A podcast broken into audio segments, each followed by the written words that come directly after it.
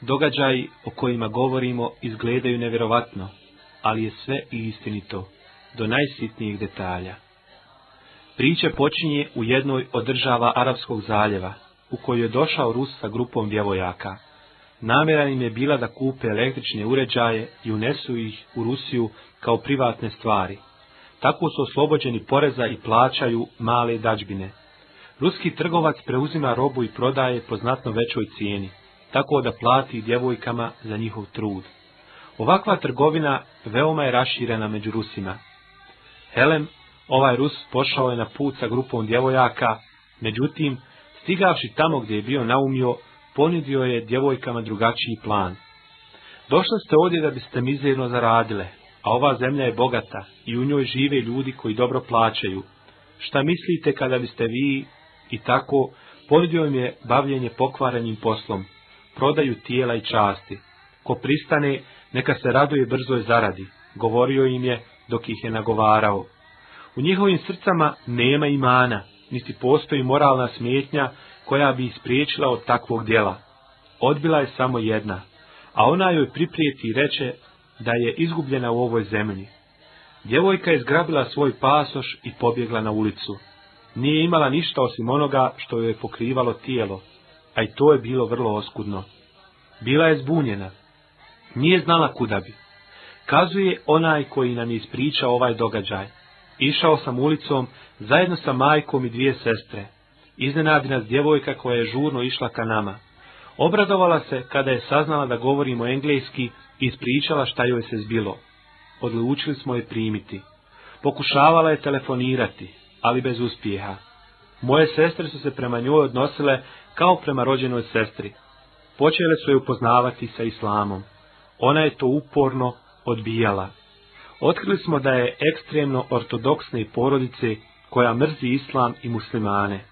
Ipak, pomogao sam sestrama i posjecao ih, a ponekad se i sam uključiva u raspravu. Jednog dana sam donio knjigu o islamu na engleskom jeziku.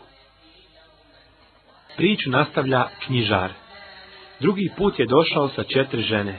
Tri su imale hidžabe, dok je četvrta ljepotica bila otkrivenog lica. Muškarac je kazao da je ona ruskinja i da je počela prihvaćati islam, te je tražio druge knjige i kasete u islamu. Dao sam mu knjige. Ponovo je došao i rekao da je ona primila islam i da želi to obznaniti. Tražio sam da pročita neke knjige jer vlasti u toj zemlji zahtijevaju ispit.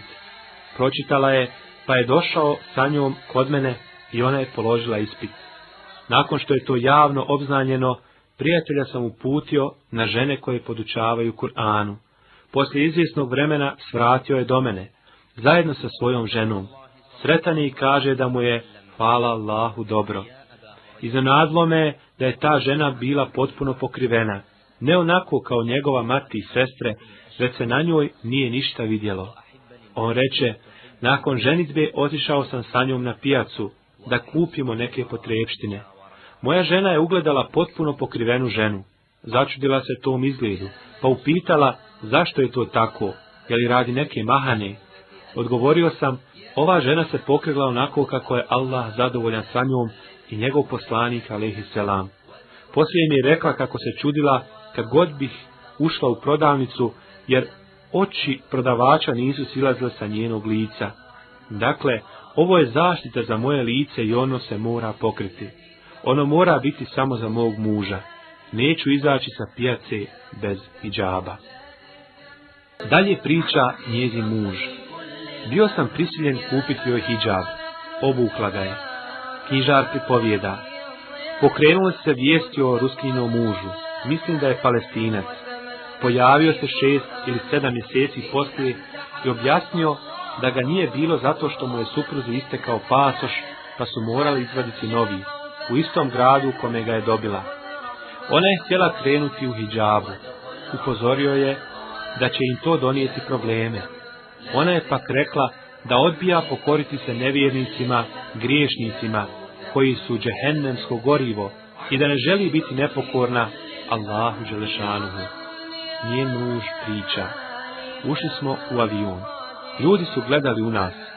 Posluga je dijelila hranu, a sa hranom i alkohol, koji je uskoro počeo djelovati. Glasno su se smijali i pokazivali na nas. Moja žena se ravnodušno smijala i prevodila mi šta govore o njoj. Osjećao sam kao da mi strijela ulazi u srce i ne izlazi iz njega. Ona me tješila. Ovo je ništa usporedi sa onim što su doživjeli ashabi. Stigli smo u taj grad u koji smo krenuli. Mislio sam da ćemo otići njezinoj kući i smjestiti se kod njenih, pa zatim obaviti poslove. Moja žena je razmišljala drugačije. Ne, moja porodica je izrazito ortodoksna i ne želim sada ići njima. Prvo ćemo unajmiti sobu, završiti poslove oko pasoša i onda posjetiti moje. Shvatio sam da je to ispravno. Sutradan smo otišli u ured za izdavanje pasoša. Službenik je tražio stari pasoš slike. Moja žena je dala crno-bijele slike sa hijabom i vidio se samo lice. Oni su tražili fotografiju na kojoj se vide lice, vrat i kosa. Zatim bi nas svaki službenik slao sljedećim, sve dok nas nisu poslali direktoru ureda. A direktor je bila žena. Nije nam izašla u susret. Bila je krajnje neljubazna. Rekla je, Niko vam neće riješiti taj problem osim glavnog direktora u Moskvi. Moja žena se okrenula i rekla, Halide, putujem u Moskvu. Pokušavao sam je ubijediti. Paso će vidjeti samo određene osobe, i to iz prijeke potrebe, a zatim ga niko neće gledati dok ne istekne makar godina dana. Odgovorila je, ne, nemoguće je da se pojavim sa takvom slikom nakon što sam upoznala Allahu vjeru. Ako odbiješ putovati sa mnom, možda ću samo putovati, držeći se propisa koji važi u Daruri. Otputovali smo u Moskvu, ali ponavljalo se isto. Tako smo stigli do glavnog direktora. Bio je od najodvratnije sorte ljudi. Upitao je, ko će meni dokazati da su ovo tvoje slike? Tražio je da ona otkrije lice, ali je moja supruga insistirala da će to učiniti samo pred nekom službenicom. To ga je naljutilo. Pasoš i fotografije zaključao je u ladicu. Nemaš ni starog niti novog pasoša, sve dok ne dođeš sa slikama koje potpuno odgovaraju. Pokušao je ubijediti, ali bez koristi. Nastavio sam je ubjeđivati, da Allah ne duži nikoga preko njegovih mogućnosti, ali mi je odgovorila ajetom, ko se Allaha bude bojao, on će mu izlaz naći i obskrbit će ga odakle se i ne nada. Direktor nas je isterao iz kabineta mi smo nastavljali međusobno ubjeđivanje sve do noći. Klanjali smo jaciju, jeli ono što se našlo, a onda sam htio spavati. Rekla mi je, Halide, mi smo u situaciji kada se trebamo Allahu obratiti. Ustani. Ustao sam i klanjao koliko sam mogao, a zatim legao. Ona je nastavila klanjati, tako do jutra. Probudila me da zajedno klanjamo sabah, a potom pozvala ured za pasoše a slike pitao sam. Rekla je, idemo probati. Ne gubi nadu Allahu milost.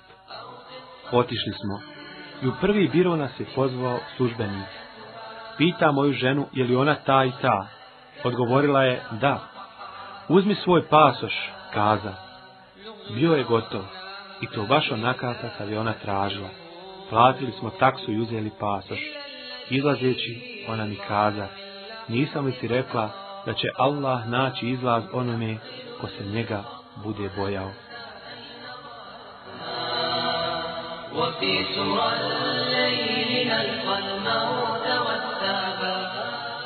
Ove riječi ostavile su veliki dojam i trag u mome srcu. Nešto tako nisam doživio kroz sva predavanja i podučavanja koja sam prošao. Službenik je još rekao da se pasoš mora ovjeriti u gradu kome je moja žena rođena. Smatrali smo to prilikom da posjetimo njenu porodicu. Stigli smo tamo, iznajmili sobu, zatim ovjerili pasoš i otišli smo u posjetu njezinoj familiji. Vrata je otvorio mladić, njezin brat. Obradovao se sestri i začudio njezinom licu. Ona je ušla smijući se i grleći brata. Ušao sam iza nje. Stan je bio skroman. Osjećali su se tragovine i maštine. Svi su govorili na ruskom i ništa nisam razumio, ali sam primijetio da se ton diže. Galama se povećavala. Izađoše tri mladića i starac. Međutim, dobrodošlica Zetu pretvorila se u udaranje. Pomislio sam da ću se oprostiti sa Dunjalukom. Nisam imao izbora. Otvorio sam vrata i pobjegao na ulicu, a oni za mnom. Pomiješao sam se među ljude i pobjegao im. Uputio sam se ka hotelskoj sobi, nedaleko od ženine kuće na čelu, nosu i obrazima vidjeli su se tragovi udarca. Iz usta mi je tekla krv, odjeća mi je bila pocijepana. Pomislio sam, spasio sam se, ali kako je sada mojoj ženi? Moj problem je to što ne mogu bez nje. Veoma sam je zavolio. Razmišljao sam, možda će se ubiti, ostaviti me, sigurno će se odreći islama, sigurno i tako dalje. Šetan je radio svoj posao. Misli su mi se vrtile u glavi, sve dok se nisam pomirio s tim da više nemam žene. Šta da radim? Da idem njenoj kući? Nemoguće. Glava u ovoj zemlji je jeftina. Moguće je za 10 dolara iznajmiti čovjeka koji će me ubiti. Dakle, moram ostati u sobi. Ostao sam sve do sabaha. Promijenio sam odjeću i izašao da izvidim situaciju. Iz daleka sam pratio šta se događa ispred njihove kuće. Vrata su se otvorila i izašla su trojca mladića i starac, oni koji su me udarali. Vrata zaključaše. Gledao sam nadajući se da ću ugledati lice moje žene. Nakon nekog vremena oni ljudi se vratiše. Satima sam hodao ulicom. Drugi dan sam činio isto. I treći. Gubio sam nadu. Mislio sam da me žena zamrzila ili da je možda ubijena, ali da je mrtva, morao bi primijetiti kretanje u kući, posjete bližnji, znači živa je. Četvrti dan, nakon što su muškarci otišli na posao, vrata se otvoriše i pojavi se moja žena. Gledala je lijevo desno. U svom životu nisam vidio ljepšeg prizora. Međutim, njezino lice je bilo potpuno crveno i krvavo. Prišao sam i prepao se. Ništa nije imala na sebi osim krpe koja je pokrivala. Noge su joj bile vezane lancima, a pa i ruke iza leđa. Gledao sam i plakao. Nisam se mogao kontrolisati. Obrati mi se. Halide, slušaj. Prvo, ne brini se za mene. Ustrajala sam na islamu. Tako mi Allaha ono što sada doživljavam nije ravno dlaki spram onoga što su podnijeli ashabi i poslanik Allaha Đelešanuhu, kao i vjerovjesnici prije njega. Drugo, molim te Halide, ne miješaj se između mene i mojih. Treće, čekaj na usobi, sve dok ti ne dođem, inša Allah. Dovi što više i klanjaj noću, jer je namaz najpribraniji kod Allaha Đelešanuhu. Otišao sam u sobu, prošao je dan, drugi, treći proticao. Krajem trećeg dana neko zakuca na moja vrata to u ovo doba, tišinu probi glas moje žene. Ja sam, otvori. Otvorio sam vrata. Rekla je da idemo. Obukla je rezervni hijab koji smo imali i ušli smo u taksi. Rekao sam na ruskom jeziku aerodrom, jer sam tu riječ naučio. Ona je rekla ne, moji će me tražiti na aerodromu, zato idemo na selo, pa u drugu, u treće, zatim u četvrto, peto, pa u neki grad u kome ima aerodrom. Tako smo stigli do aerodroma i rezervicali karte.